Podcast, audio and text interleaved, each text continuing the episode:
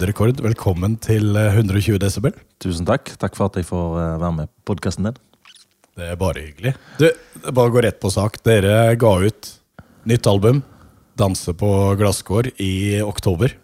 Det stemmer. Oktober 2022. Mm. Hvordan har eh, mottagelsen vært der? Ja, jeg, er- jeg er egentlig veldig fornøyd. Det, Vi har fått uh, spille mye. Vi har fått uh, bra med lyttertall på Spotify og, og den type ting. Og uh, jeg syns jo plata har blitt veldig bra, da. Så jeg, sånn sett så er jeg godt fornøyd.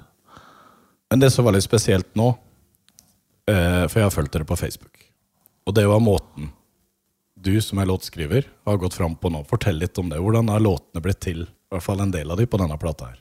Ja, det, eh, For å gå litt tilbake, da, så, så ble jeg utfordra av resten av bandet til å finne en eh, produsent som var eh, erfaren og med kommersielt eh, blikk, da. Eller kommersiell eh, hode. Kommersielt hode.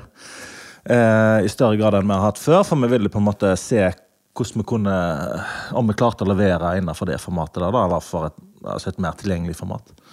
Så var det masse diskusjoner i bandet. Skal vi, eh, hvem skal vi ringe til? Hvem skal vi ta kontakt med? Og så vet jeg at Lassie Lassi og Jarle spesielt, da, eh, han vokalisten og gitaristen vår, har vært veldig sånn, har sånn man-crush på Espen Lind i, i mange år. Og de har hatt stor suksess uh, på nachspiel med, å spille Espen Lind-låter på kassagitar. så jeg tror det hadde jeg god Så de utfordrer meg. Ole, Ole, sier de. Kan ikke du ringe, Espen Linde? Så jeg bare, men jeg kan ikke bare ringe han. Jo da. Så fikk jeg nummer nummeret av eh, Odin Stavland, som òg har vært produsent for oss tidligere. For han har jobba med Espen eh, på- med Vamp. Ja. Odin Stavland, trommis i, i Vamp og Vamp, låtskriver ja. i Vamp. Ja. En god venn av oss. Og, og han eh, sendte meg nummeret, og så bare lykke til. Så sendte jeg eh, bare en melding. Du, eh, Odin sendte meg nummeret ditt. Har du tid til en prat om å produsere et band fra Haugesund? Ja. Så han svarte ganske umiddelbart. Det kan vi snakke om. Så hadde vi en lang og god prat om, uh, om musikk og om uh, band og låtskriving. Så sa han ja, jeg liker egentlig det jeg hører. Sånn. Der. Ja. Og så uh, Dette kan vi gjøre, liksom. Så snakket vi om budsjetter og litt sånn så der. der. Så, ja, så vil jeg høre noen demoer. Eh, vil høre hva du skriver, hva du har lagd til denne plata. Liksom. Ja. Og jeg bare Da choker jo jeg bare faen. Jeg har jo knapt lagd noen ting, og det jeg har, er ræl. Det er bare drit. Jeg, måte, jeg har tenkt litt framover. Jeg tenkte at det er ok, jeg får bare sette ei teiner først. sånn Ja, at jeg kan så kryper oppi. ja, ja, ja. Og så um, Og så sitter du og snakker med Espen Lind. Og så sitter jeg og snakker med Espen Lind, og så bare tenker jeg ja, eh, her, jeg må uppe gamet mitt litt på låtskriving. Jeg har ikke noen spesielt gode skisser. Jeg sendte han et par skisser, og han bare Ja, vi må jobbe litt med låtene. Ikke sant? Sammen på en fin måte. Så, så han uh, utfordra meg litt da, til, å, så- til å jobbe litt mer med, med låtene. Og så sa han liksom bare send meg um, Vi avtalte sånn roughly tid.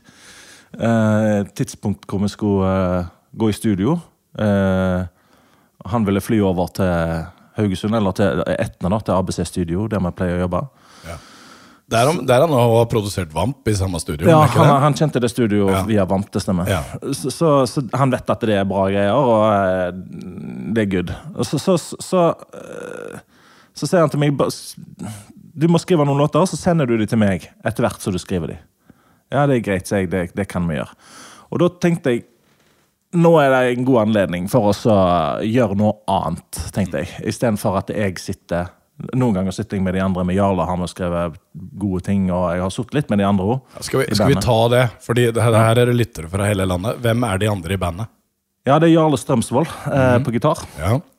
Det er Lars Vegner Sørensen på vokal. Eh, det er Åsmund Glette på trommer. Det er mm, Lars Erik Støle på keyboard, og det er Leif Åge Vestbø på keyboard. Som har dobbelt opp på Så, keys. og så er det deg. Og så er det meg, Ole Jørn Boren, på bass og låtskriving og, og, eh, og bandmanagement, kan man si. Ja, men Du sa da du og Jarle sitt. Altså, Hvordan har det funka før? Hvordan har du skrevet til låten? Ja, veldig mye tidligere har jeg vært skrevet um, av meg på kjøkkenbordet hjemme med kassagitar og Mac-en min.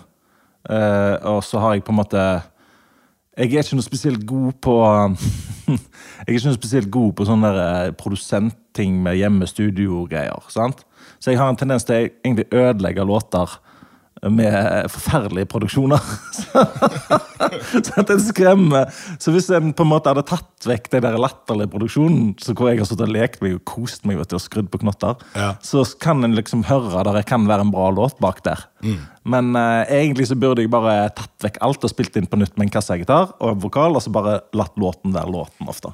Ja. Men uh, du klarer å forklare, og, og de andre skjønner hva du Ja, da, mener når, skjønner- når ja, du da, kommer men det som har vært Ja. fint da tidligere opp gjennom de årene vi har holdt på, for dette er jo den femte plata vår, som, så eh, er vi på øvingslokalet, jeg presenterer ei skisse, og så begynner vi å så plukker vi den fra hverandre. Så den, det er ingenting der som ligner engang på det sånn det blir til slutt, liksom. I løpet av eh, den, liksom, den der Hva skal man si, den, denne prosessen låten skal ha på øvingslokalet. først. Fordi du får fram det du ønsker, eller fordi de andre kommer med innspill? Ja, de er jo vel Selv om jeg er låtskriver, så er de andre vel så aktive med å få låt, å gi låten den formen han får til slutt. Ja. Mm. Ikke sant? Så, og, det, og det er derfor på en måte vi deler jo en god del på de låtskriverrettigheter. Altså, så jeg tar ikke alt det, selv om jeg skriver det. Ikke sant? Så, eh, så er alle med å forme låten. Ja. Uh, Så for et- band må det nesten være sånn. Jeg er, det er jo ikke en soloartist. Nei. Det er jo ikke jeg som synger engang. Så. Nei, Så det- ja, det skal vi komme litt tilbake til. Men, men, men så Og så du, du, du gjorde det ikke på denne måten nå. Nei, da kontakta jeg en, en eh, kar i Stavanger som nettopp hadde flytta opp fra København til Stavanger, som heter Jakob Fredstrøm. Som senere skulle starte Capella Records, som er det eh, labelen vi har gitt ut denne plata på. Ja. Eh, jeg og han fikk veldig god kontakt. Han er superflink. Eh, og han hadde allerede da Det første han gjorde når han kom til Stavanger, da, det var på en måte så å sette i stand et nettverk med folk som skriver låter. Og han bare sendte ut noen mailer for meg. Er det noen som har lyst til å skrive med Ole til neste Ford Record-albumet? ja, det var sånn det ble. Ja, okay. ja. ja, Og, så bare, og det var det bare sånn pop, pop, pop, pop, pop, Så tikka det inn mailer med folk som hadde lyst til å, å jobbe med meg. Jeg hadde aldri skrevet låter før med folk som jeg ikke kjenner. Og da var det bare til å pakke gitaren da, og sette seg med Sette i gang ja, men med folk som jeg ikke aner hvem er. hvordan gjorde du det? For du reiste rundt, du. Ja, det gjorde jeg. Det gjorde jeg litt senere. Okay, Ja, Nå ble dette ja. en lang og avansert historie. Ja, men det det er veldig de greit. første låtene, Det- dette de første tre kult. låtene med den første uh, Espen Lind-session vi gjorde Vi har tatt tre låter i slengen. Så den første session vi gjorde, det var med låter som jeg hadde skrevet med folk i Stavanger. Uh, okay. sammen, gjennom uh, Jakob sitt nettverk. Ja. Og Yes. du bor i Stavanger. Jeg bor i Stavanger. Ja. Og det var veldig bra. Vi fikk lagd noen ok låter. 'Sobrent symfoni' ble til på den måten. Eh, 'Takk for nå' ble til på den måten. Og sammen med en masse flinke folk i Stavanger. Så det var kult. Men det som skjer eh, videre, er jo at eh, dette liker jo Espen, og vi liker å jobbe med Espen, så vi får finne ut at vi vil fortsette, og vi vil lage et helt album. Sånn? Har han på nå har vi kommet så langt at vi har tatt en test med tre låter. Ja. Produsenten er fornøyd. Produsenten er fornøyd, og alle er egentlig ganske happy med dette her samarbeidet. her. Ja. Dette syns vi går bra. Ja. vi syns vi er gode. Ja. ja, men det skal du jo. Ja, ja, ja. Og det er pandemi, og det er rase, og alt er god stemning. Men det er god stemning i studio. Vi klarer oss ganske greit. nå. Ja, for vi snakker et par år tilbake i tida nå. Men vi snakker det? litt tilbake i tid nå, ja. Ja. Ehm, for det har tatt to år å lage denne plata. Det, det har vi, altså. Ehm, så eh, kommer vi til en ny, ny periode hvor jeg på en måte finner ut at jeg, nå vil jeg eh, skal være flere låter. Vi trenger flere låter. Espen er ikke fornøyd med demoene som jeg har sendt i det siste. Eh, vi stagnerer litt. Ja. Ja. Og da eh, hjelper Jakob, han her nettverksfyren i Stavanger, meg med å skrive søknader eh, til Kulturrådet og til alle mulige sånne offentlige instanser. Han ble liksom my man på de tingene der. Han hjelper meg med det. Um, og så får vi en haug med penger, sånn at jeg kan ta fri fra jobb. Vanlig sivil jobb. ja, for det var det jeg skulle spørre om. Hvordan har du fått til det? Ja, ok. Ja. Ja. Så du fikk støtte? Jeg fikk støtte til det. Ja. Ehm, nok til at jeg kunne ta fri en ganske god periode fra jobb. Eh, jeg kunne låne meg en liten campervan, en Volkswagen eh, gammel sånn en, Så god gammel en. Altså, Ja, Ja. ja. sånn 90-tallsmodell. Altså, han han ikke- men han ble ganske fet når jeg fikk pimpa han opp. Så. Ja. Ja, det, det ligger bilder av dette på Facebook-sida deres. Yes, Ja, det, det stemmer. Og, og, og hashtag camprecord uh, Camp record. på, på Instagram. Um, så satte jeg opp et lite eh, mobilstudio bak i bilen. Og så kjørte jeg rundt i Norge og hadde avtaler med låtskrivere, musikere eh, rundt omkring. Um, det var en fantastisk opplevelse. Dette var i august i 2021. Jeg gjorde det. Er det noen uh, lytterne der ute har hørt om av de du skrev med? Ja, Av de som folk har hørt om, kanskje Odd Martin Skålnes. Som er, han er jo en eh, local boy fra Karmøy i Haugesund. Fra Koppvik? Fra Kopervik, ja. Men han- Jobba med Aurora og Han jobber med. Aurora og Sigrid Ja. eh, og bor i Bergen. Så når jeg kjørte opp til Bergen, så hadde jeg en avtale med han. Ja. Eh, dette var jo en nydelig augustdag, og han kom eh, kjørende opp i Hausdalen, rett ut forbi sentrum, der jeg hadde parkert campervanen min og lagt eh, songwriting camp, bokstavelig talt. Ja. Så han kom med en gammel kassagitar, jeg hadde gitaren min med. Men det var så fint vær, så vi gikk litt bare opp i dalen med hver sin stol og hver sin gitar. Og Mac-en min under armen. Satte vi oss ned med en eh, aldeles nydelig eh, sted med en liten elv der, og så Ja, så satt vi vel der i seks timer og skrev en låt. Og, Ja. Men, låten- men har, du, har du ingenting fra før, da? Har du ikke noe Nei, da har jeg ingen- ingenting. Ingen, eh, ingen skisser, ingen ingenting? skisser, ingenting. Da kommer vi med to gitarer og to tomme hoder, egentlig. Men i, i forhold til det, da Og ikke internett engang, for oppi der så er det, for det jo ikke dekning på noen ting. Ja, men i forhold til lydbildet deres, og sånn bare slapp du alt fri og bare Ja. lot det Ja, fordi at det, det er nettopp det jeg har tenkt på, det der med at det, det som jeg nevnte, at jeg ødelegger ofte låter med å drive og kuke det til med produksjon. For det kan ikke jeg. Jeg ødelegger det. Ja. Jeg, folk bare hører på noe sånt der Hva i all verden er det du holder på med her? liksom? De klarer ikke å høre låtene jeg har lagt i bakgrunnen. Så jeg har bestemt meg for at jeg skal bli flinkere så egentlig bare jobbe med en kassagitar eller to. Og så sk- skrive låten heller. Og så får de som kan produksjon, få ta produksjon. Ja. Ikke sant? Ja. Så det jeg skal konsentrere meg om, det er tekst og melodi og akkorder og den type ting. ikke sant? Ja. Og så får eh, rest, bandet og produsenter alle de får eh, på en måte ta seg ut eh, når det gjelder de tingene jeg ikke er så god på. da. Så det, sånn tenkte jeg, og det fungerte egentlig veldig bra. det altså. Når, jeg, eh, når vi sitter sånt eh, i bilen eller i skauen og skriver. Mm. men, men, men det som også er viktig, det er at det skal alltid skrives en hel låt. Eh, ja, Du skulle bli ferdig der og da? Ja, du må det. Ja. Eh, og det får bare ta den tida det tar, liksom. Ja. Eh, Litt press er det jo, fordi at eh, Martin måtte jo til byen etter hvert og hente unger i barnehage. Og, ikke sant? Men vi vi hadde vel en seks-sju timer der, som er, som, og det skal være nok da, Ja. til å skrive en bra låt. Hva, hva syns de andre, de som du skrev sammen med, da, om, om måten å gjøre det på?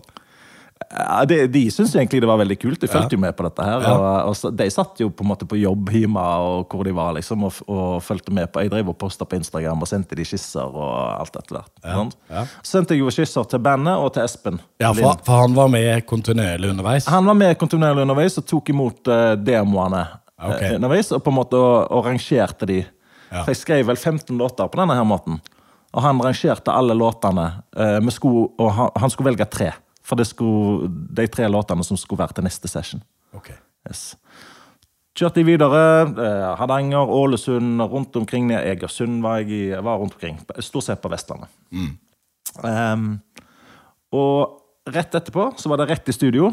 Og da hadde vi ikke øvd på låtene. Vi hadde ikke fått forma det i bandet. Ingenting.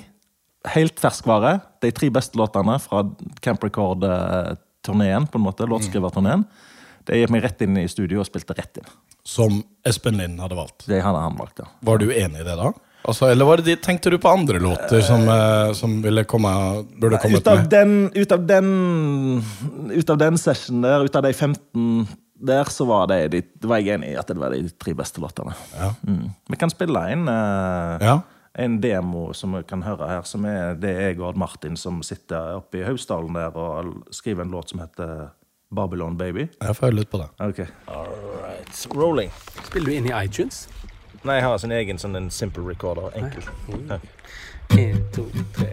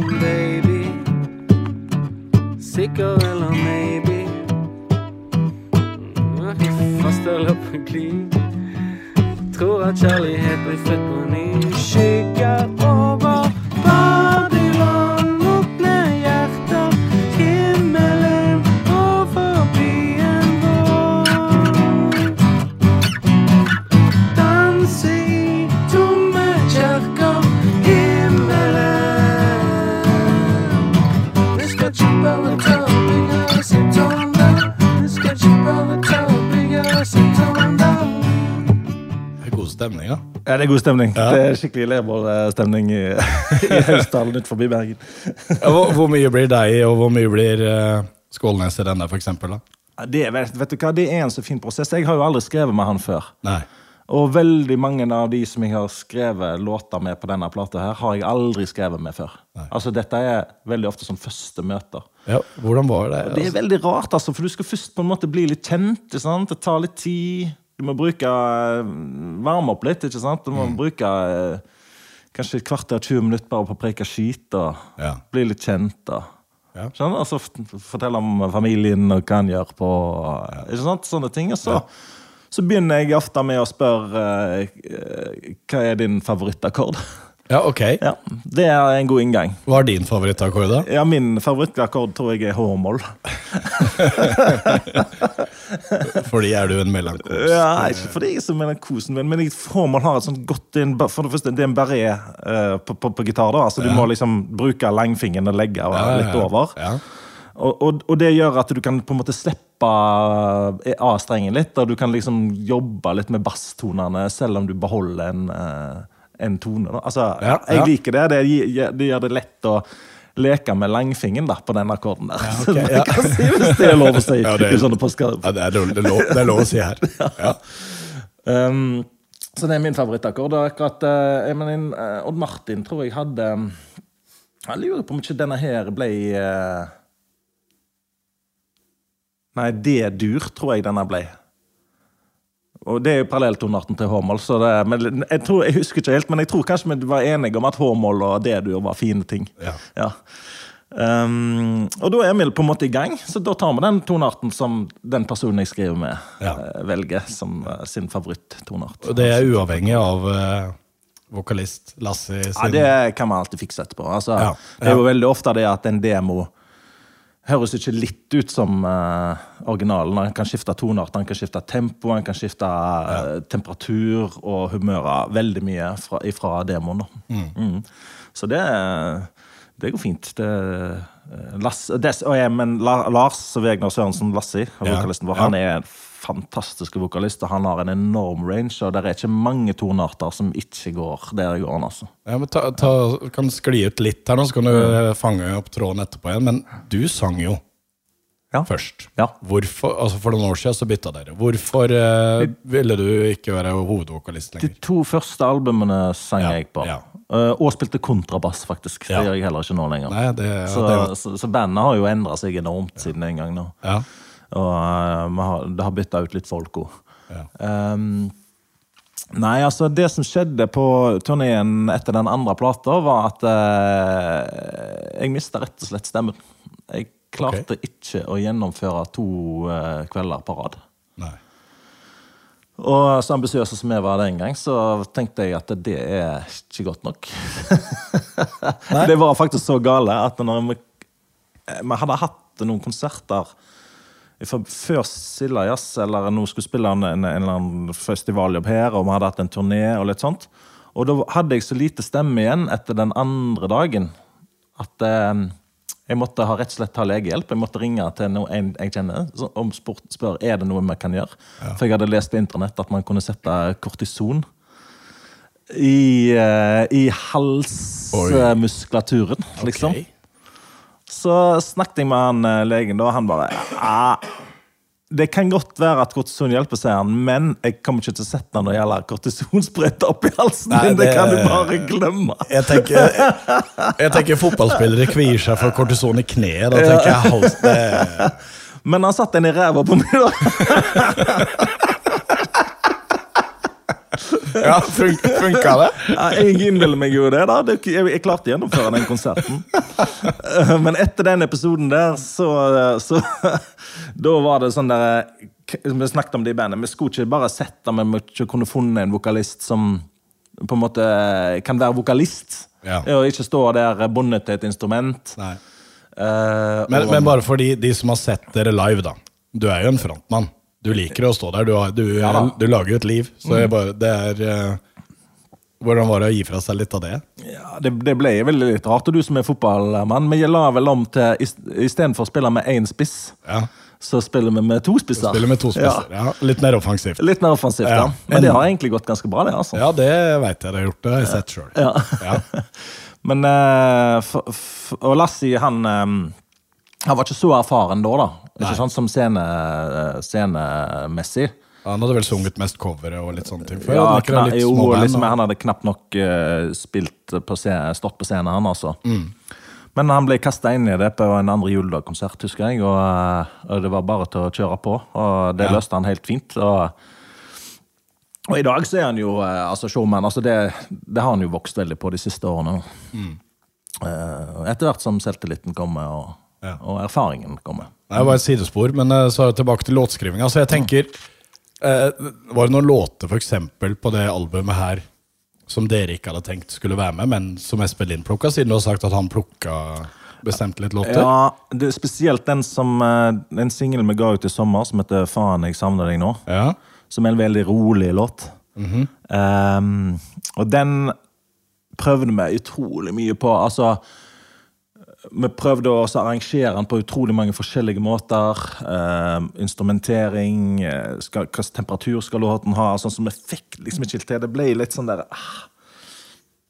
Det ble ikke farlig nok. Det, ble sånn, det er en veldig snill snill stemning i låten. Ja. Selv om teksten er litt sånn litt mørk. eh, og tittelen 'Faen, jeg savner deg nå' Den måtte bare ha et banneord, for å si det rett ut, for ellers hadde det blitt sukker med sirup og fløte. Ja. Skjønner du? Altså Du må ha noe surt og Få litt sånn bitter, bitter der. undertone, da. Ja, men og da var det sånn derre Den den hadde ikke jeg betta på, altså. Nei. Den hadde jeg ikke betta på. Den hadde jeg tenkt skulle havne ned, absolutt nederst i skuffen. Jeg, jeg skrev den på hytta i Flekkefjord sammen med en, eh, en annen Espen. Det er så, her er det mange Espener, så Ja, er det bare ja. å heller holde tunga rett i munnen. Eller i rette munnen. Ja. Godt vi har et bord imellom. Ja. ja, ikke sant? Um, hvor vi dro ned på hytta Jeg har hytta der nede, eller kona mi sin familie har hytta der nede. Så, um, og det var en vinterdag, og det var is på fjorden. Jeg husker vi måtte hogge oss ut. For vi må på båt ut. Ja. Så vi måtte knuse is og, og, og liksom få kjøre, kjøre båten over på, på den holmen der hytta er. da Ja. Vi, um, Men dette er Espen Dette er Espen Gabrielsen. Espen Gabrielsen. Nei, unnskyld, Gulbrandsen. Ikke Gabrielsen, det er en annen Espen. Ja. Der er så mange Espener. Ja, men det er et er det det utrolig flott navn. Vet du. Ja, det er jo det. det er det. Populært. Veldig populært. Espen Gulbrandsen. Eh, så, så, og han heller kjente jeg ikke spesielt godt, men vi tenkte vi kunne dra på hyttetur og skrive låter. Eh, og Det var vinter, ja. Og så fant vi ut at vi kan skrive en sommer Bare tenk det Sankthans nå. Det er på helt på andre sida av året. At det Ja. er sommer, og det er bål, og det er båter, og det er Ja, ok, så prøvde vi det. På en måte ja. lage den sommerstemningen i hytta der. Det ble veldig fint, altså. Jeg er veldig fornøyd med låten. Mm. Så tenkte jeg dette passer ikke oss, altså. Tenkte jeg, det, det, dette er vanskelig. Ja, for, ja, for, sånn- for de som ikke kjenner dere, grunnen til at det ikke passer dere, er fordi ja, altså, Vi jobber mye mer med stemning og energi, egentlig. ja. At det er det vi er gode på. Ja. Ikke sant? Altså, det, tre, det skal ikke være bråkete. altså Vi er ikke et bråkete band. Nei, nei. Men, men det er høy intensitet, da, som regel.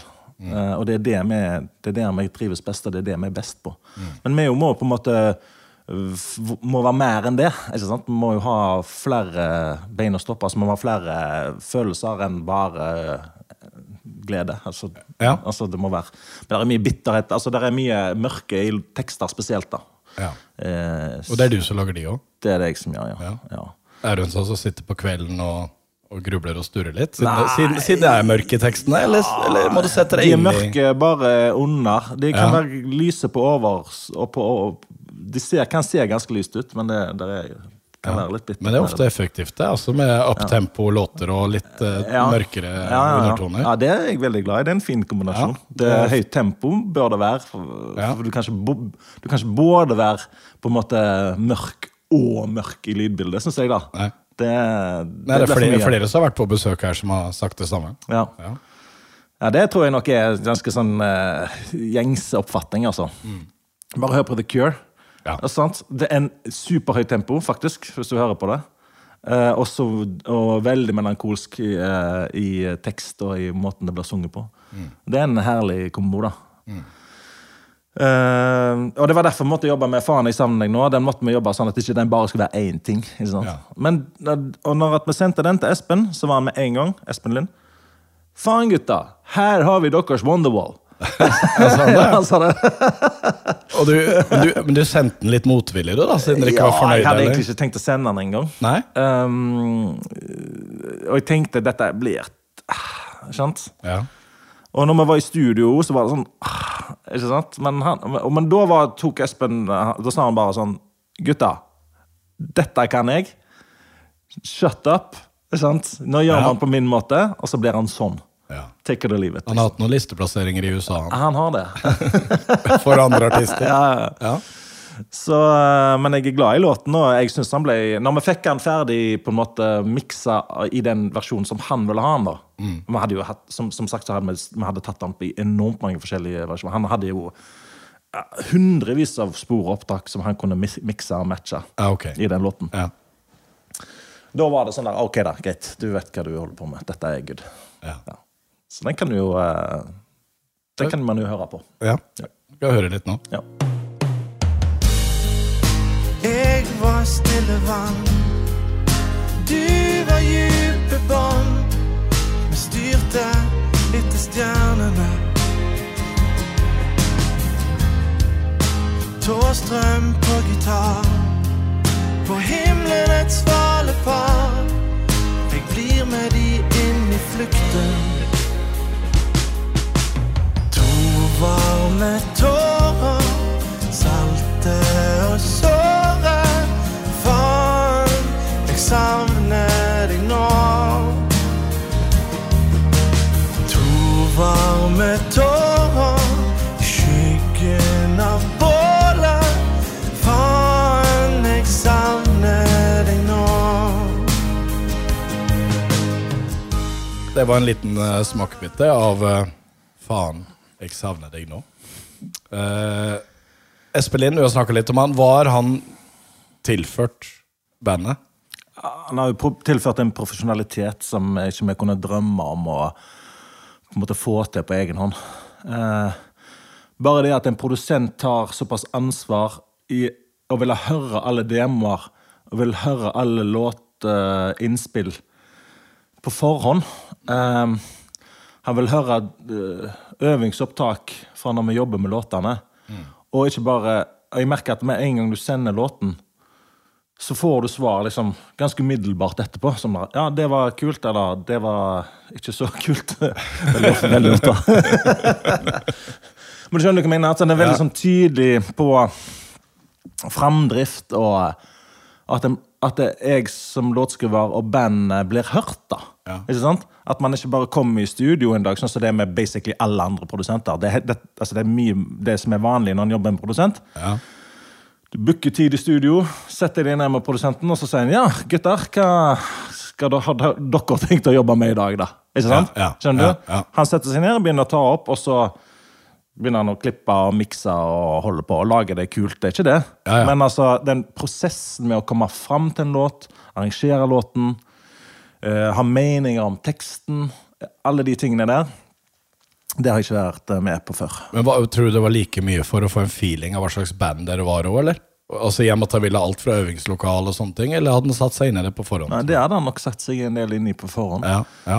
Eh, og, og, og dette, som jeg sa, var jo en prosess over to år. Um, eh, og vi, vi, vi jobba mye mellom uh, studiosessionene med dette, med å finne låtene og identifisere hva som er bra, og Ja. hva vi kan bli bedre på. Ja. Ja. Mm. Så det er på en måte det er, det er det, første jeg tenker på at han tok med seg. Det andre er jo en sånn attention to detail, som i hvert fall ikke jeg har nubbekjangs til til å ta med meg, for han er en nerd, altså. Ja. Ja, han er en deilig nerd. deilig mann, da. Det må jeg bare få sagt. Ja, ja, ja. Um, og den man-crushet ble jo ikke mindre, eh, eh, som Lassie og Jarle og de hadde i studio der. Eh, og, men i, i og med at han har så mye på en måte um, kompetanse, og Ja. har så mye å vise til, så har han jo òg Altså, vi er jo en gjeng med voksne menn med ganske mye, en god del erfaring sjøl, da. Men eh, han har såpass mye pondus i uttalelsene sine, så han får lov til å bestemme. Ja. Ikke sant? Nå må vi ryddigere prosess for oss, da. Ja. Men var det helt greit? Altså Greit at han heter Espen Lind, men var det, lik, var det lett å slippe fra seg alt det der? Ja, ja. Ja. Det, det, det slapp jeg med en gang. Ja. Og så hans um, Hans kompetanse var så tydelig eh, fra første stund, liksom. Han Ja. satte seg ned i eh, produsentstolen eh, foran miksepulten der at det Ja, det var ikke noe problem. Og så tipper, tipper jeg at det er sikkert for dere òg, at dere får en annen respekt når han tar dere så seriøst som om Ja. dere hadde et Sigrid eller et eller annet annet Han, svært. han gjorde ikke noe forskjell på oss, han eller Beyoncé eller hvem man har jobba med, liksom. Mm. Eller, det er vanskelig for meg å si. Jeg tror kanskje ikke det var helt likt. Nei, men han tok dere, han tok dere på alvor. Absolutt. Han, Ja. han- og, og han fikk absolutt fram det beste i oss. da. Og han fikk oss absolutt inn i den, en mer tilgjengelig kommersiell setting, sånn som vi ønsker, og basically med det vi ønsker å bruke han til. Ja, ja, Hva ønsker dere med denne, denne plata, for eksempel? Hva, altså, jeg tenker på det med utviklingen. Nå- For nå har dere, du gjort ting på en annen måte, eller dere gjort ting på en annen måte, med låtskriving med andre. Espen Lind som produsent. Hvor, Også i forhold til det å beholde lydbildet og samtidig utvikle det. Hva, hva tenker du rundt det? Jeg, jeg, jeg tenker at um, denne plata låter ganske annerledes enn de andre platene våre. Det tenker jeg òg, når jeg hør, har hørt det. Ja, Ja. Den er, eh, og det er det to grunner til, altså, sånn som vi har snakket om nå. Det er Espen som produsent, og det er det at eh, jeg har brukt andre låtskrivere til å være med meg og skrive. Ja. Ja. Og om vi skal fortsette med det, det er en annen historie. Det er jeg ikke helt sikker på, for jeg føler vi har gjort dette nå. Ja. Og så savner jeg litt det mørket fra hester og den type låter. Eh, eh, som, jeg, som jeg, kanskje bandet trives enda bedre med. Gi meg et trykk som helst.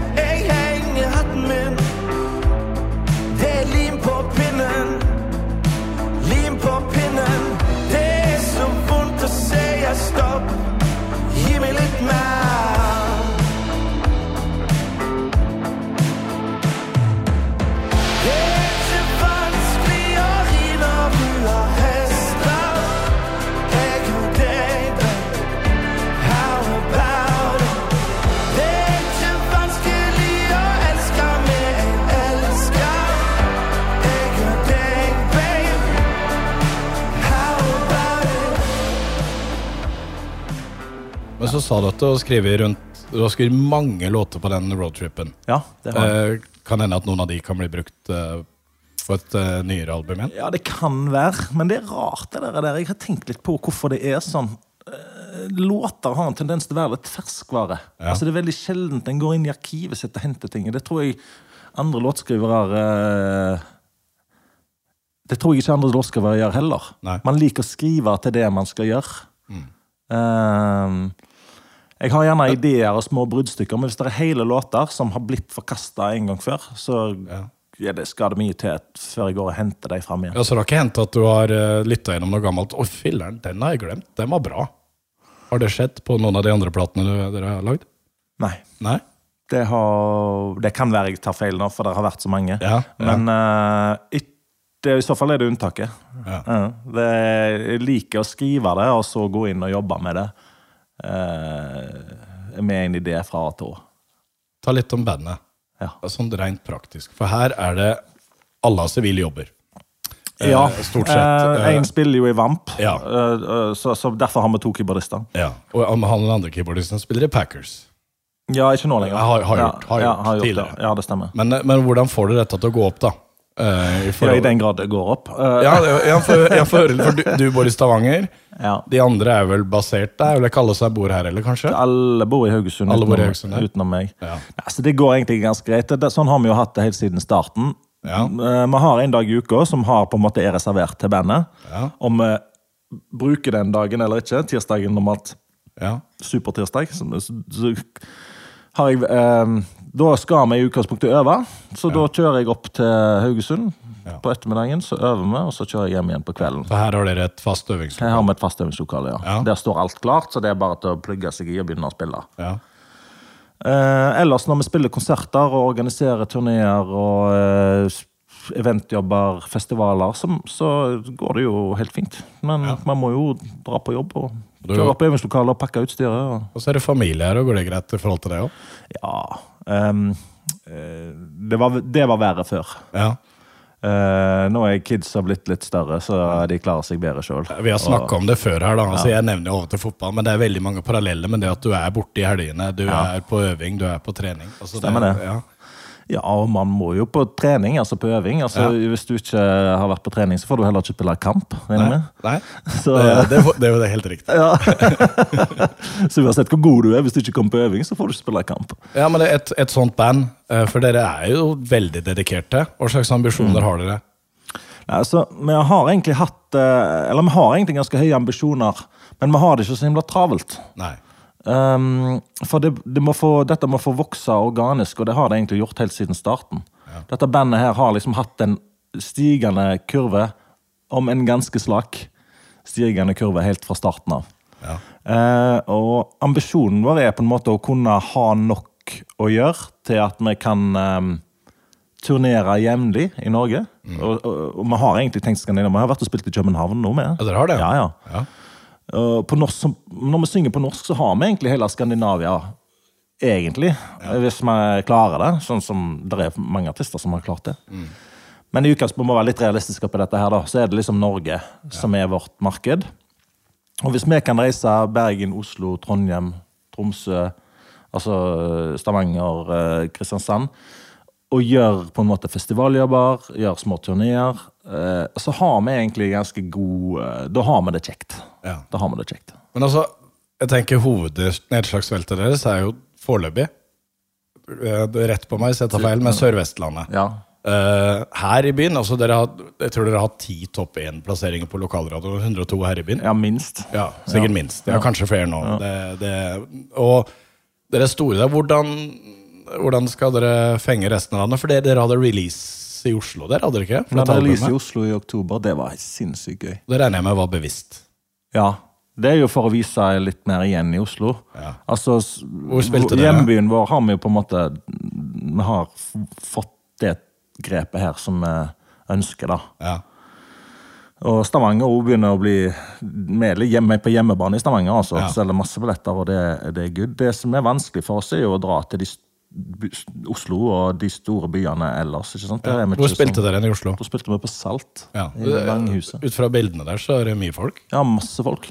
Var det utflytta haugesundere, eller var det god blanding? I stor grad eh, utflytta haugesundere som har dratt med seg venner i Oslo. Og det er jo egentlig sånn det skal være, tenker jeg. da. Ja. Det er jo det som var, vi håpte skulle skje òg. Ja. Eh, og det er bare med å spille live og få et godt liverykte du kan komme noen vei, mener jeg, da, som band i Norge. Men sånn, sånn i forhold til radiospilling, da, hvor, hvor vanskelig eller lett er det å få til andre steder enn eh, Det, det er tilnærma umulig. Vi får litt. hva, hva er grunnen til det, at det blir eh, vrient? Nei, altså Av alle karrierer og bransjer du skal velge deg, så er Ja. jo musikkbransjen kanskje der det er flest folk som er villige til å ofre mest for nesten ingenting. Eh, altså Nåløyet er jo helt ekstremt trengt. Så hvis man har store håp og drømmer om å få radiospilling, så ja, I don't know. Jeg vet ikke hvordan man får det til. Det, hadde jeg visst det, så Men sånn, bortsett fra det, så er du en eh, mann som liker eh, å markedsføre produktene. Altså Tidligere med Ford Record, dere har spilt uh, til spinningtimer. Ja, ja, ja, har vi har hatt mye eh, gøy. Altså, Hva slags forhold har du til det? det til, mark til markedsføring? Ja, jo, men det, det Ja, men jeg liker, kreativ, jeg liker å være kreativ, ikke sant? Kan jeg bare Altså, si, bryte inn her nå? Ja. En som kjenner deg godt, han har sagt at du er grenseløs optimist når det gjelder å sette i gang ting. Stemmer det? Hva tenker du rundt Ja, det? det kan godt være. Ja. Grenseløs optimist, jo da. Eller dum, som du, som du må Nei, hete. det, det, nei, her står det grenseløst optimist. Ja, ja, ja. Nei, Det kan godt være, men jeg syns egentlig at hvis jeg får fot på en god idé, så er det jo bare til å gønne på. Og, Ja. og, og, ideer kan gjerne være rare og feil og alt, men jeg altså, jeg gjør jo dette for, fordi det er gøy. Ja. Fordi det gir meg overskudd. Ja. Fordi det er Altså, livet er for kort til å sitte og øh, Altså, gjør, ikke gjøre ting jeg ikke liker, da. Eller, da sa jeg feil. Du gjøre ting liker. Jo, jo, Men jo. du skjønner du hva jeg mener, og da blir det på en måte altså Hvis det da blir, er sånn at eh, jeg sitter på Jeg trener sjøl, sitter på spinningsykkelen der, dette er mange år siden, da. Ja, ja, det, Så sitter jeg der og så trør, og så er musikken eh, ofte ræva. Ja, det kan vi enige om. Ja. Ja. Men treningen er god, musikken er ræva. Det er- skjer ofte altså på spinning. Ja. Eller cycling, som det heter. Ja. Um, så tenkte jeg det hadde vært gøy hvis, det, hvis vi hadde hatt liveband her. Det hadde vært gøy. Så tenkte jeg ja, ok, da gjør vi det. Så tok jeg kontakt med treningssenteret der i går. De skjønte jo ingenting. Nei. Selvfølgelig. For de hadde, de har ikke, de hadde ikke så De skjønte ikke hva jeg snakket om. Nei. Men det er greit, du skal få låne spinningsalen en lørdag formiddag Ja. i Stavanger. dette da. Ja, det er greit, det. Så kjører vi ned hele gjengen, setter opp anlegget og god stemning. sant? Jeg eh, sender melding til Stavanger Aftenblad og, ikke sant? og, og basically får venner og kjente til å komme, for det kommer ikke noen De, de satte ikke opp en egen spinningtime. Dette er den første gangen vi gjorde det. Ja. Skjønner du, De skjønte ikke hva det var. Nei. Men vi fikk nå en god del folk inn der, venner og kjente. Og folk som generelt var på senteret og trente den dagen der. Ja. Og så skulle, vi spille releasekonsert i Stavanger Martinique senere på kvelden. Mhm. Og der kommer jo Stavanger Aftenblad blåser det opp på første side dagen etterpå. Ja, det, det, det er kjempe, altså, det kjempereklame. funker jo! Ja. Altså, Dobbeltside, ikke sant? Men, men det er jo ikke første gang du har gjort sånn. Altså, du har hatt et band tidligere, eller vært i et band som heter Multipass. Ja, det stemmer. I Der har jeg hørt rykter om i Bergen, ja. Rykter om boksering. Ja. Eh, ja. ja. Og, og, og, og en sånn eh, Ja, litt sånn eh, planteinspirert jungelkonsert. eh, Jungelkonsert. ja, om vinteren. Hvordan fikk, hvordan, hvordan fikk dere tak i planter der? Uff, ja, det var, det var et eventyr. Det var, Jeg må høre om det, da. Vi hadde en platerelease på Garasje i Bergen. Um, vi, skal skulle spille konsert, men det var jo det var ikke, so, so, det var ikke sommer, så det var ingenting grønt uti Men vi hadde coveret var liksom ape, katter, en jungel, så vi Ja. ville på en måte pyntes igjen med, med jungeltema inne på garasjen der.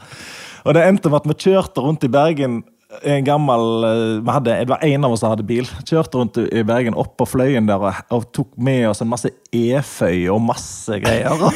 så det er sånn evig grønne planter og gribba hele fjellsida for det. Og dro det med ned inn på garasje og lagde jungelstemning med mm, med bongotrommer og eh, i introen og bare, bare vas. Det var, men det var kjempegøy.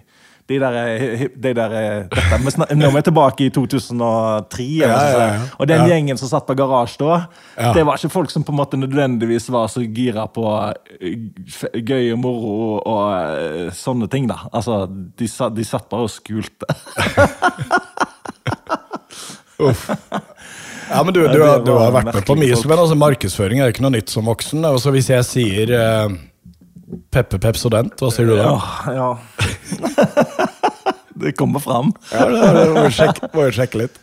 Ja, det var, det var en eh, slektning av meg, eh, Helge Hansen. Så, eh, hei, Helge, hvis du hører på.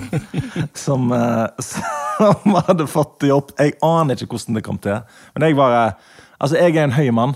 Ja. Altså, jeg er 94. Ja. Jeg var 17 år og hadde fått sånn cirka den høyden jeg har nå. Du var 17 år, ja. Ja, Ja, noe Ja. sånt. 16-17 år, tror jeg jeg var. Herlig. Men jeg veide jeg vet ikke jeg, 50-60 kilo. Altså Ja. Jeg var så tynn. For jeg, jeg, jeg er ikke noen idrettsmann i utgangspunktet. Og i hvert fall ikke når jeg var ung. Nei. Så jeg var jo så ekstremt lang og tynn. Og så, og så hadde jeg et sånn svært krøllete hår. så veldig Veldig rar ut. Um, Ja, beklager. litt. så kommer han med, Ja. kommer han med et sånn der Ja, i påsken, da, på Ops uh, ut forbi byen her, der som alle handler en før de skal på påsketur. Ja. Om du kunne vært med på et sånn reklamestunt eh, for Pepsodent, og så dele ut sånne smaksprøver eh, til de som handler på Ops. Ja, det er klart jeg kan det. Ja. Så kom jeg opp der, da, så kom han med en sånn trikotkostyme som jeg må ha på meg. Eh, hvor da Pe Pepsodent har en sånn liten superhelt som heter Ja. Peppe Pepsodent. Tannkremsuperhelt. Mm. Eh, hvor jeg da må gå i denne her trikoten som, som på en måte jeg ikke fyller ut engang. For jeg er så tynn. Du er så tynn? Ja. Med sånne hetter med ører på, som bare håret bare fyller ut. Som et kjempestort hode. Så går rundt og gir, gir, uh, gir sånne små tannkremtuber til ungene. Ungene var jo livredde. Jeg anbefaler folk som hører på til å sjekke ut Peppe Pep Student, for jeg hørte dette, så måtte jeg sjekke hvordan han så ut. Ja. Så du har sånn conehead oppå her? da, Sånn, Ja, ja, ja, ja med håret inni den der strømpen. Uff, ja. Det, men det er liksom Ja. Ja. Så du er, ikke, du er ikke redd for å by på deg sjøl? Det, Neida, det kan vi si. Det, det er jeg egentlig ikke. Nei. Selv om eh, Ja. Det, det, tenker, det var ikke noe udelt positiv opplevelse, det der, altså. nei, men du, men du, tra, du trakk deg jo ikke. Nei, jeg gjorde det. Jeg gjorde det. Ja. Jeg, eh, jeg måtte jo det. Men uh, hvorfor ble det musikk på deg? Fra, fra starten av? Altså, når, når begynte du for fullt med musikk? Ja, jeg begynte egentlig litt for seint. jeg begynte egentlig ikke før jeg var eh, 14-15 år å spille gitar. Det husker jeg jeg angrer på. Jeg har alltid egentlig følt at jeg var for, jeg var for seint ute. Jeg føler alltid jeg er for seint ute. Ok. Ja, dette er litt sånn For jeg husker da, så tenkte jeg fader, nå har jeg ett år på meg til å lære gitar godt nok til å komme inn på musikklinja eller et eller annet sånt. som det. Og det klarer ikke jeg. Altså, jeg, er- jeg har en ganske flink med mye musikk, men jeg er ikke noen stor instrumentalist. Det har jeg egentlig aldri vært. Jeg er ikke noe eh, superflink Hva skal vi si, da? Virtuos, liksom. Så eh, jeg inns tenkte ah, Fader. Så jeg gadd ikke søke engang. Fordi at jeg, eh, jeg syns sjøl at jeg hadde for lite tid til å bli god nok til å komme inn på musikklinja. Eh, Så jeg gikk, bare, jeg gikk jo på allmenn da, rett ved siden av, så jeg Ja. kjente jo alle de. Og vi var jo en slags miljø. Det er mange som tror jeg har gått musikklinja òg, Ja. men, eh, men det, det gjorde jeg altså ikke. Men For de som ikke veit det, her i, her i Haugesund så er det Skeisvang videregående skole. Som Det- både ja, har, har musikklinje og allmenn. Yes. Ja. Um, og så Seinere, da, så når jeg husker når vi flytta til Bergen, og så traff jeg eh, Leif, som er keyboardist ennå, i, ja. i eh, Ford Rekord. Det var studier, da, eller? Det var det studier, ja. Ja. Studier. Og da husker jeg, da var jeg 22, eller noe sånt. Så der husker jeg jeg og han hadde starta band, og så skulle vi spille inn første med, Dette var med multipass, som du nevnte tidligere. Ja. Så husker jeg vi gikk over Sydneshaugen, og så jeg var 22 år, så tenkte jeg sa jeg til Leif ja, nå er det liksom siste sjanse. Det er sant? 22. Hvis vi ikke klarer dette nå, så får, så får det bare være. sant? Da følte du deg gammel? Ja, det følte meg skikkelig gammel. Ja. Så det er egentlig det er litt rart. altså. Det er en sånn, kanskje en sånn følelse. Det, det har egentlig eh, kanskje sånn hjemsøkt meg litt. Grann, det der, der. Og nå er jeg eh, 48 år og eh, gjør egentlig mye det samme. Ja, men, Um, men, men, nå, men, bare bedre. men nå sier du at eh, nå eh, har du ikke så dårlig tid. Nei, nå har jeg ikke så dårlig tid. Nei? Så nå kan jeg jo, eh, Vi kan jo ikke forvente å på en måte ha noe sånn der, eh, den type appell som en 22-åring har. Nei. I hvert fall ikke jeg. Ja, hvordan, hvordan tenker dere rundt det? Altså, det er jo en greie. Image når dere er voksne, voksne menn. Altså, hvis du, jeg tenker hvis du spiller metal-band, da, så kan du komme unna med, med mye. For det er men poseringer Ja, og sånn Metal-band og blues-band og jazzband og alle de Ja. der er jo litt sånn eh, tidløse sånn sett, da. Ja. Sånn aldersmessig. Men i vår sjanger så er den er jo Musikken eh, bør jo høres relativt ung ut, om ikke annet. Ja. Uh, Syns jeg.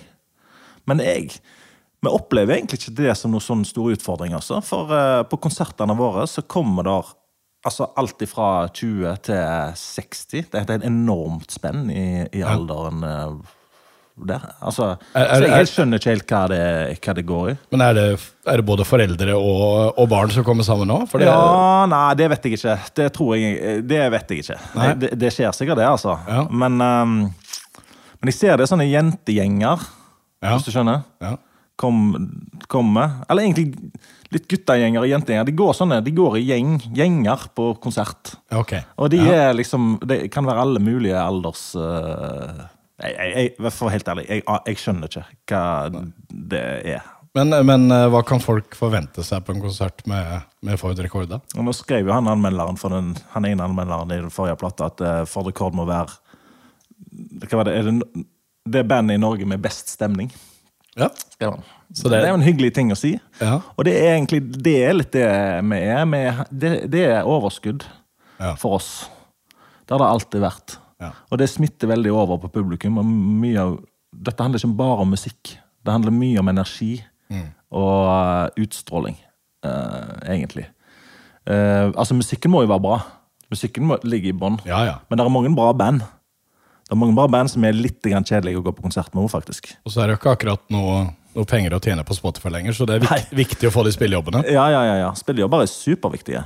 Det er jo den eneste økonomien som er igjen, eh, føler jeg, da. Men, men, du sa det at uh, dere hadde plateselskap i ryggen nå, ja.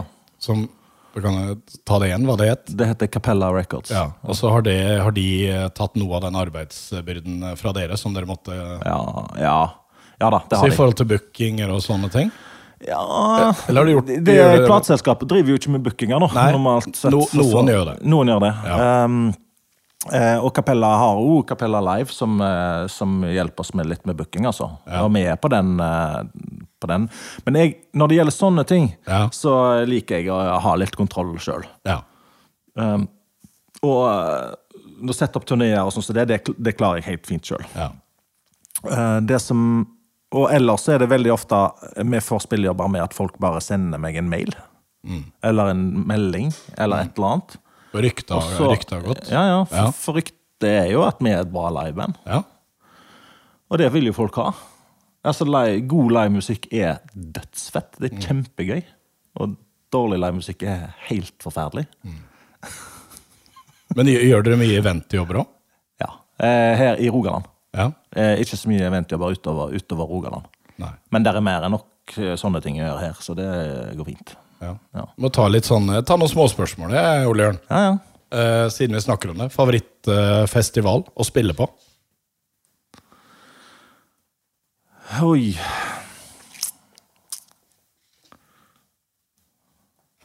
Det var vrient. Ja, eh, du vet at vi har spilt så mye, Ja. øh, egentlig, egentlig spesielt Sildajazz. Jeg satt og tenkte på det, fordi at eh, jeg begynte med min første konsert på ja. Silla Jazzen er tilbake i 2003. Silla Jazz her i Haugesund. He, ja, det er den Ja. største store liksom, festivalgreia her.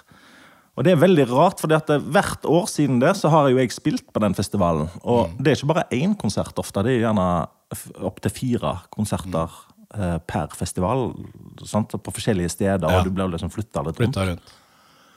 Så eh, jeg lurer på hvor mange jeg har stillhetskonserter jeg har spilt. Ja. Så det er vanskelig vanskelig å ikke ta med den, hvis du skjønner. Ja. Av ren på en måte følelsen av tilhørighet og følelsen av på en måte å være en del av noe. ja, og her kommer publikum opp. Ja, ja, i aller høyeste grad. Og, og i august så kan jeg kanskje slippe en liten sånn eh, En lite drypp.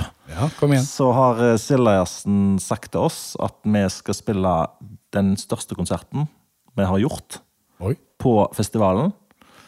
Vi blir en del, altså det blir headliner, eh, og vi får lov til å basically gjøre nesten hva vi vil eh, i produksjonen.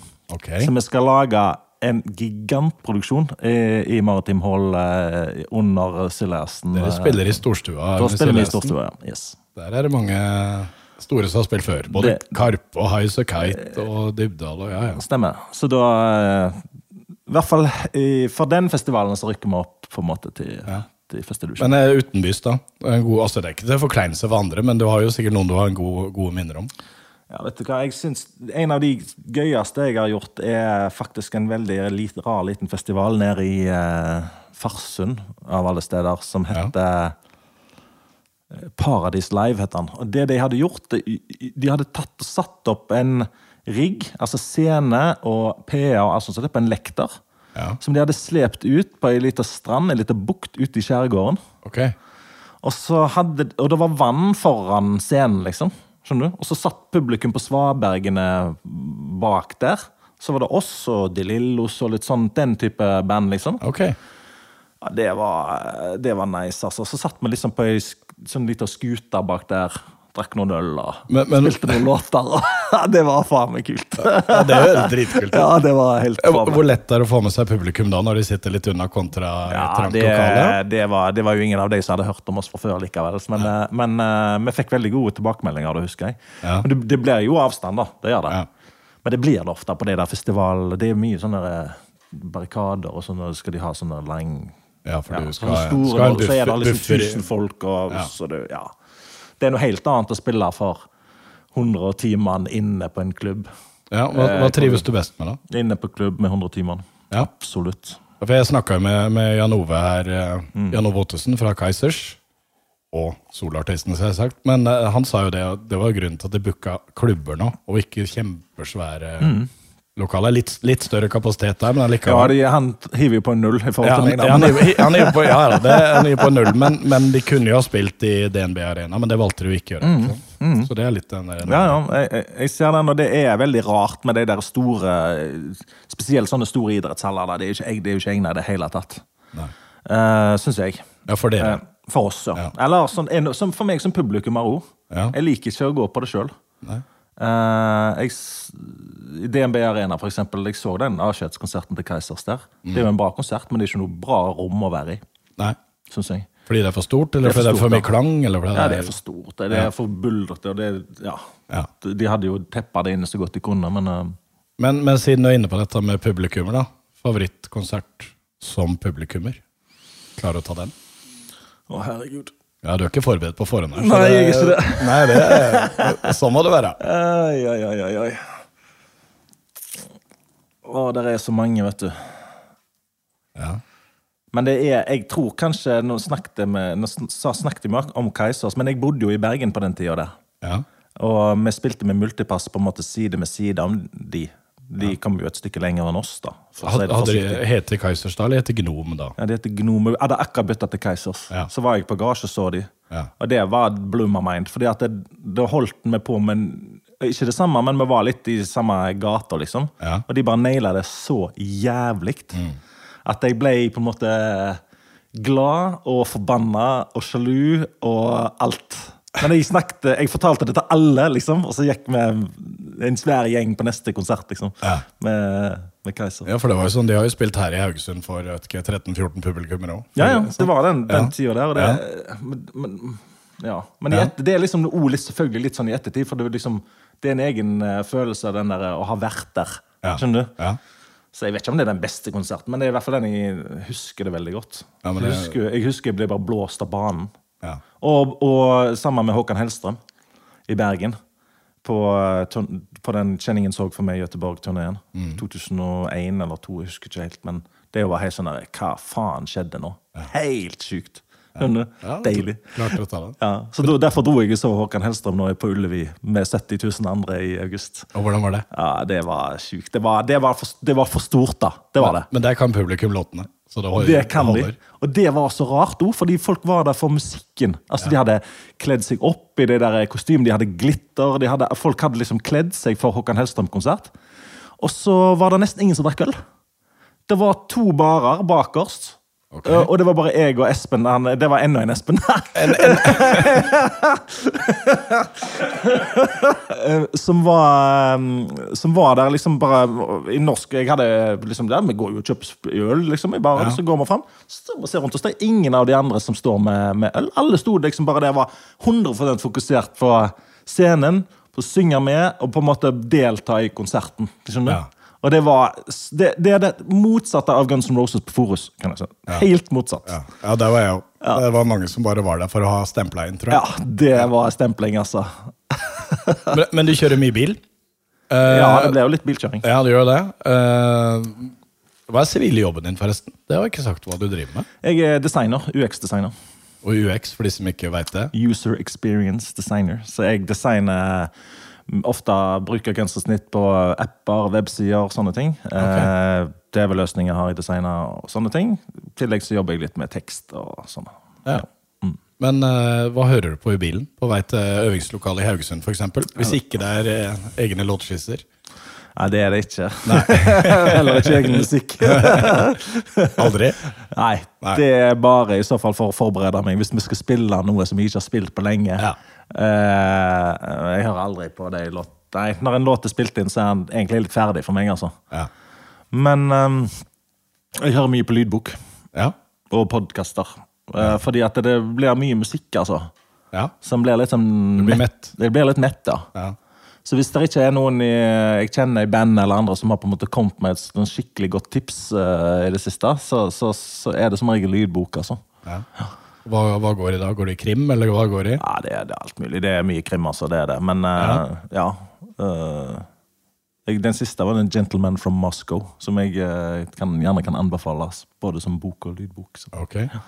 den, eh, Det, du, du, er, du er blitt vant til det med det, og det å høre andre sin stemme istedenfor å, å, å lese sjøl. Det, det funker greit? Ja, fordi at da kan jeg Ellers har jeg jo ikke tid til å lese, sant? For jeg er jo på jobb. eh, Jeg kjører bil. Jeg er på øving. Jeg har jo en familie som jeg skal være sammen med. Ja. Eh, Så med lydbok så kan jeg på en måte høre på når jeg kjører bil eller sykler. Trene. Vaske, legge sammen klær. Altså ja. Det, er litt, det er litt det samme jeg gjør. Ja. Altså, jo. Ja, ja men sant, for Det er Ja. helt genialt. sant? Ja. Og så Og det best, beste med lydbok eller så skal jeg bryte igjen, det Ja. beste med lydbok eller podkaster, det er at det, I hvert fall når jeg trener, så veit jeg at en låt varer i tre minutter. Og hvis jeg gjør noe som jeg syns er drita kjedelig, så går tida litt fortere når du hører på en podkast eller lydbok. Så Det har jeg ikke tenkt på før, men ja. Ja, det er faktisk sant, for jeg veit at det er ca. tre minutter. Å, nå har jeg litt igjen på den mølla. Ja, men, Ja, ja, men, ja. men det funker jo på sykkel og mølla. funker jo det. Ja. Men hvis jeg, skal, hvis jeg skal trene styrke, for eksempel, så må jeg høre på musikk. Fordi Ja, jeg, så faller jeg ut, Ja. og så blir intensiteten eh, 60 altså. Ja. Det er helt, jeg bare, Ja, for, hva slags musikk hører du på når du trener styrke, da? Nei, Da setter jeg bare på Spotify på sånn der eh, anbefal musikk til meg. Ja. Ja, Jeg er ikke så god på sånn der, eh, å ha sånne favoritting. Altså. Så jeg liker å høre noe nytt. Så, og så krysser jeg fingrene for at Spotify finner noe bra til meg. Ja. Jeg har sånn eh, den, den lista jeg, når jeg trener styrke, den er ganske hard. Ja, ja, ja, for ja. Jeg har prøvd på det, men jeg blir så sliten i hodet av uh, hard musikk. Ja, må få, jeg må få ut litt aggresjon. Men eh, jeg har en uh, altså, ja, Tilbake igjen til det. Vi snakka om, uh, om da du begynte med musikk. Men hva har du hørt på opp igjennom? Altså, hva hva syns du har vært kult å høre på? Da du begynte å spille sjøl, hva var du inspirert av da? Artister? Ja, altså min far er jo uh, inne i musikk, ikke sant? så det var jo han jeg fikk på en måte gitaren av. og Ja. Helt fra jeg var liten. ikke sant? Ja. Så har jeg på en måte Jeg er vokst opp med min fars musikk. Egentlig fram til jeg ble 16-17, ikke sant? Og ble, fikk uh, inspirasjon fra kompiser og liksom nye folk jeg traff. da. Ja. Så det har vært mye Hendrix og Stones og sånne ting. Rock'n'roll? Ja, rock'n'roll. Ordentlig rock'n'roll. Og blues, bluesartister, liksom. Ja. Sånn uh, Alt fra Delbert McClinton til, Ja, til Steve Ray Vaughan og Ja. Altså og, og- en del sånne soul blues, sånn derre øh, Ja, den type liksom 60-70-talls John Mayall, altså Clapton, selvfølgelig. Ma masse sånn musikk som det der. Og det former deg jo. det blir jo på en måte Og det er en veldig takknemlig musikk å begynne å spille. ikke sant? Så spiller det, spil, Jeg spilte det jo fryktelig dårlig, men Ja. du får det jo til en viss grad til. ikke sant? Ja. Altså, Du klarer jo å halte deg gjennom en tolvtakts blues, liksom. Men, men, men den første artisten så du følte var din, da? Tom Waits. Tom Waits. Og det var kjapt. Ja, ja, ja. Hvorfor det? Nei, det, og han er min eh, ledestjerne gjennom livet. altså. Det, jeg, eh, Hva er det med Tom Waits, da? Det er det universet. Det er at det er så annerledes. eh, både tekst, arrangement, melodi, stemmen og alle de forskjellige epokene og periodene. Så det er så mye å ta av henne. Ikke sant? Ja. Uh, jeg er veldig glad i det. Eh, Jeg er veldig glad i på en måte den uh, annerledestenkingen hans. Det syns jeg er inspirerende. Husker du hvor gammel du var da? Da du, han traff deg? Ja da, eh, det gjør jeg. For jeg, husker jeg, Men jeg var gammel nok til å gå på fest, altså. Så Ja. jeg, jeg tipper jeg var 17. Jeg lurer på om det var en som heter Håkon Bjerkeli. Hei, Håkon, hvis du hører på. Neppe. Jeg vet aldri. Nei, jeg vet aldri. Uh, som satt på uh, ei plate Hva var det? Det var den derre Clap Hands. tror jeg det var en låt. Jeg bare Hva er dette? Det er jævlig fett, liksom. Ja, det var jævlig fett. Og så, på den tida så kom Bone Machine ut. Så hadde Tom Stolsberg, tror jeg, i Dagbladet anmeldt Bone Machine, ga han en sekser. Så jeg kjørte opp på Kompakthuset her oppe, og så kjøpte jeg eh, Bone Machine. Satt meg ned med teksthefte. Og den er mørk, altså. Bone Machine er kanskje den mørkeste plata han har lagd. Altså, det er skikkelig eh, dystre greier. Jeg har ikke hørt den, så jeg skal Nei. ikke late som. Nei, nei, nei, men Ja. den er, der er det mye. Og jeg ble bare helt blown away. For du er så, du er så mottakelig. ikke sant? Ja, ja. 17 år der. Uh, du er så åpen for, eh, for hva som skjer. Uh, I hvert fall jeg var det. Mm. Jeg tror egentlig de fleste er det. For det er jo liksom den musikken du hørte når du var 17, som blir med deg resten av livet. sant? Det er jo en sånn teori. Ja, men det, er, det stemmer med meg, det. Ja, ja, ja. Det tror jeg er ganske vanlig. Ehm, så, så det ble bare til å gå og kjøpe alt. Uh, ja. Og bare få det på CD den gangen. ikke sant? Nå står det selvfølgelig de CD-ene i boden, men, men uh, Ja, Du sier er jo kompakt, Kompakthuset var jo et uh, CD-hus her i Haugesund som sendte til hele landet. Det var, de var svære. Ja, ja. De var dødsbra. Det var en gigantisk butikk òg. De hadde jo Ja. alt. Så har jeg en liten en til her. Hvis jeg sier jeg, jeg kan gi deg to stikkord og høre hva du responderer på, eller hvordan du responderer. DJ og spillejobb. Ja.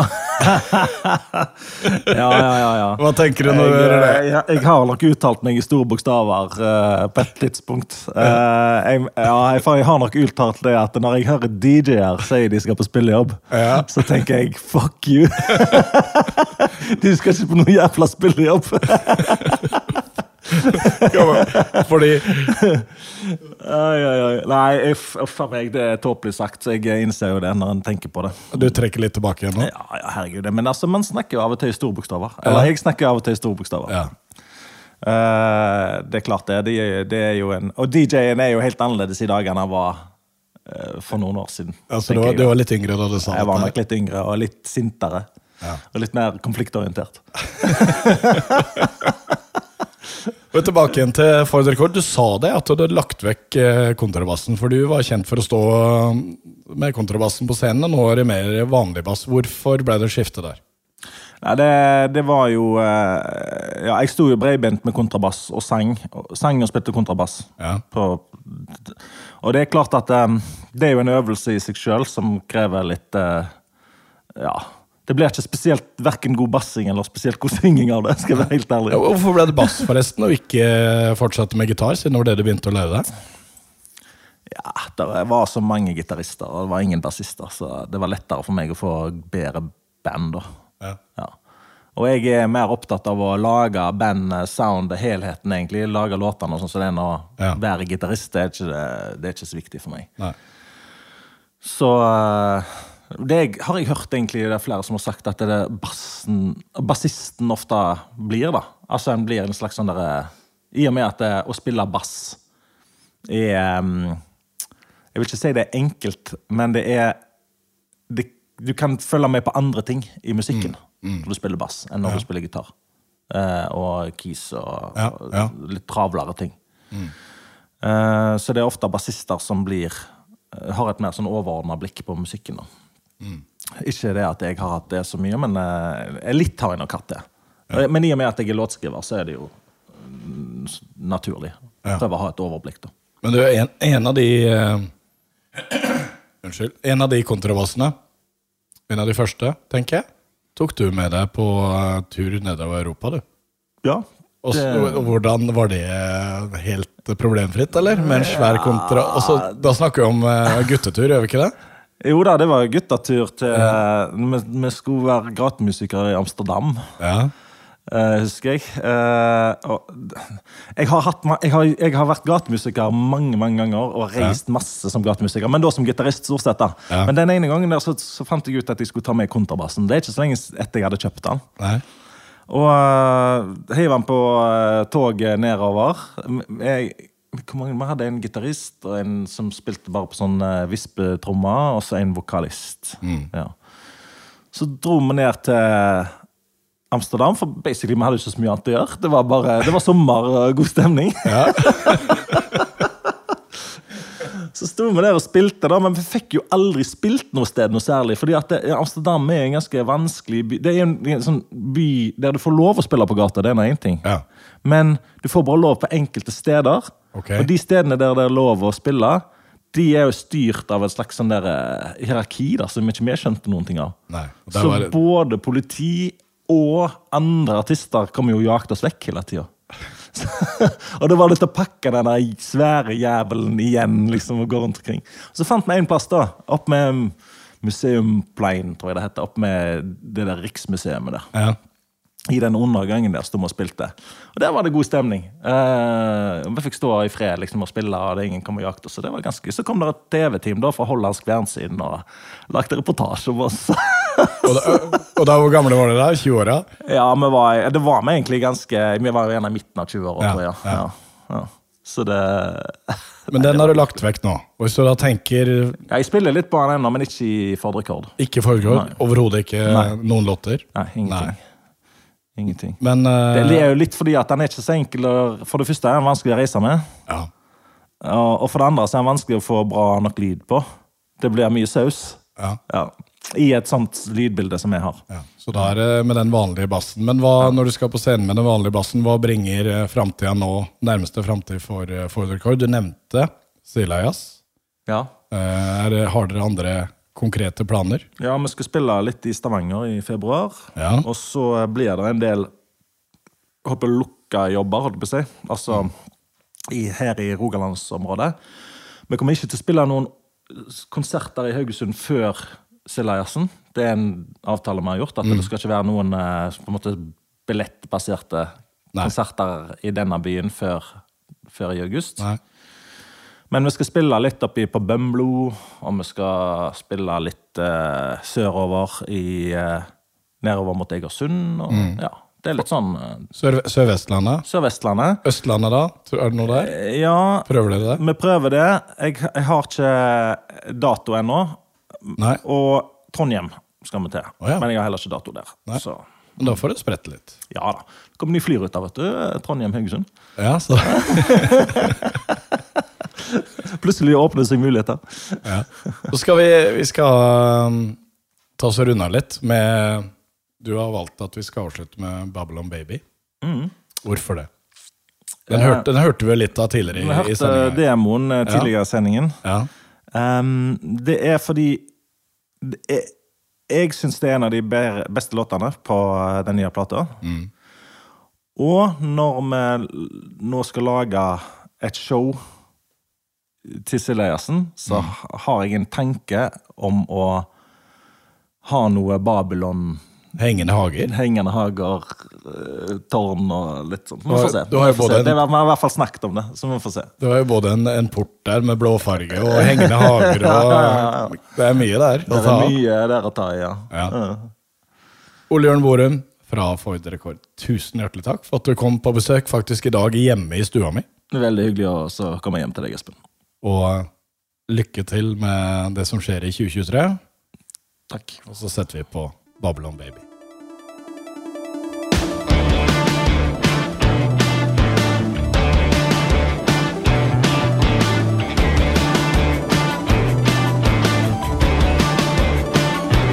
Babylon baby Henger ut i hagen Hverken idiot eller geni er kjærligheten er født Babylon baby. Sikker eller maybe? Jeg er verken fast eller på glid. Tror at kjærlighet er født Skygger over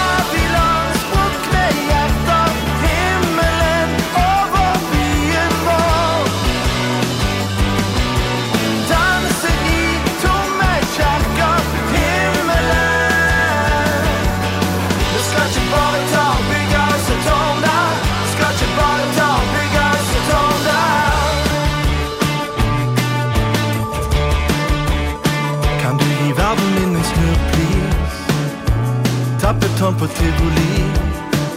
Melodiene er sterkere enn liv. Meg og deg i paradis. Trodde jeg kunne danse, men beina mine snofla. Trodde verden ville høre når jeg sang, men jeg kan bare skrike. Skygger over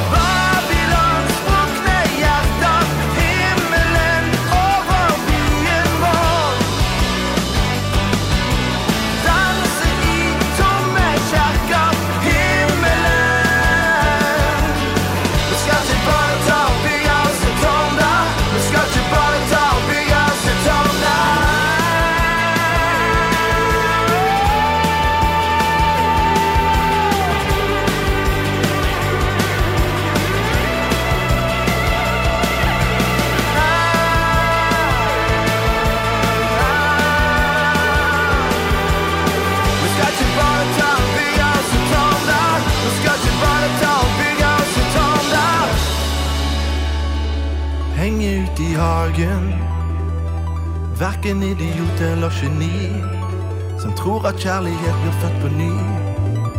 Babylon, baby. Sikker eller maybe. Jeg er verken fast eller på glid. Tror at kjærlighet blir født på ny. Skygger over.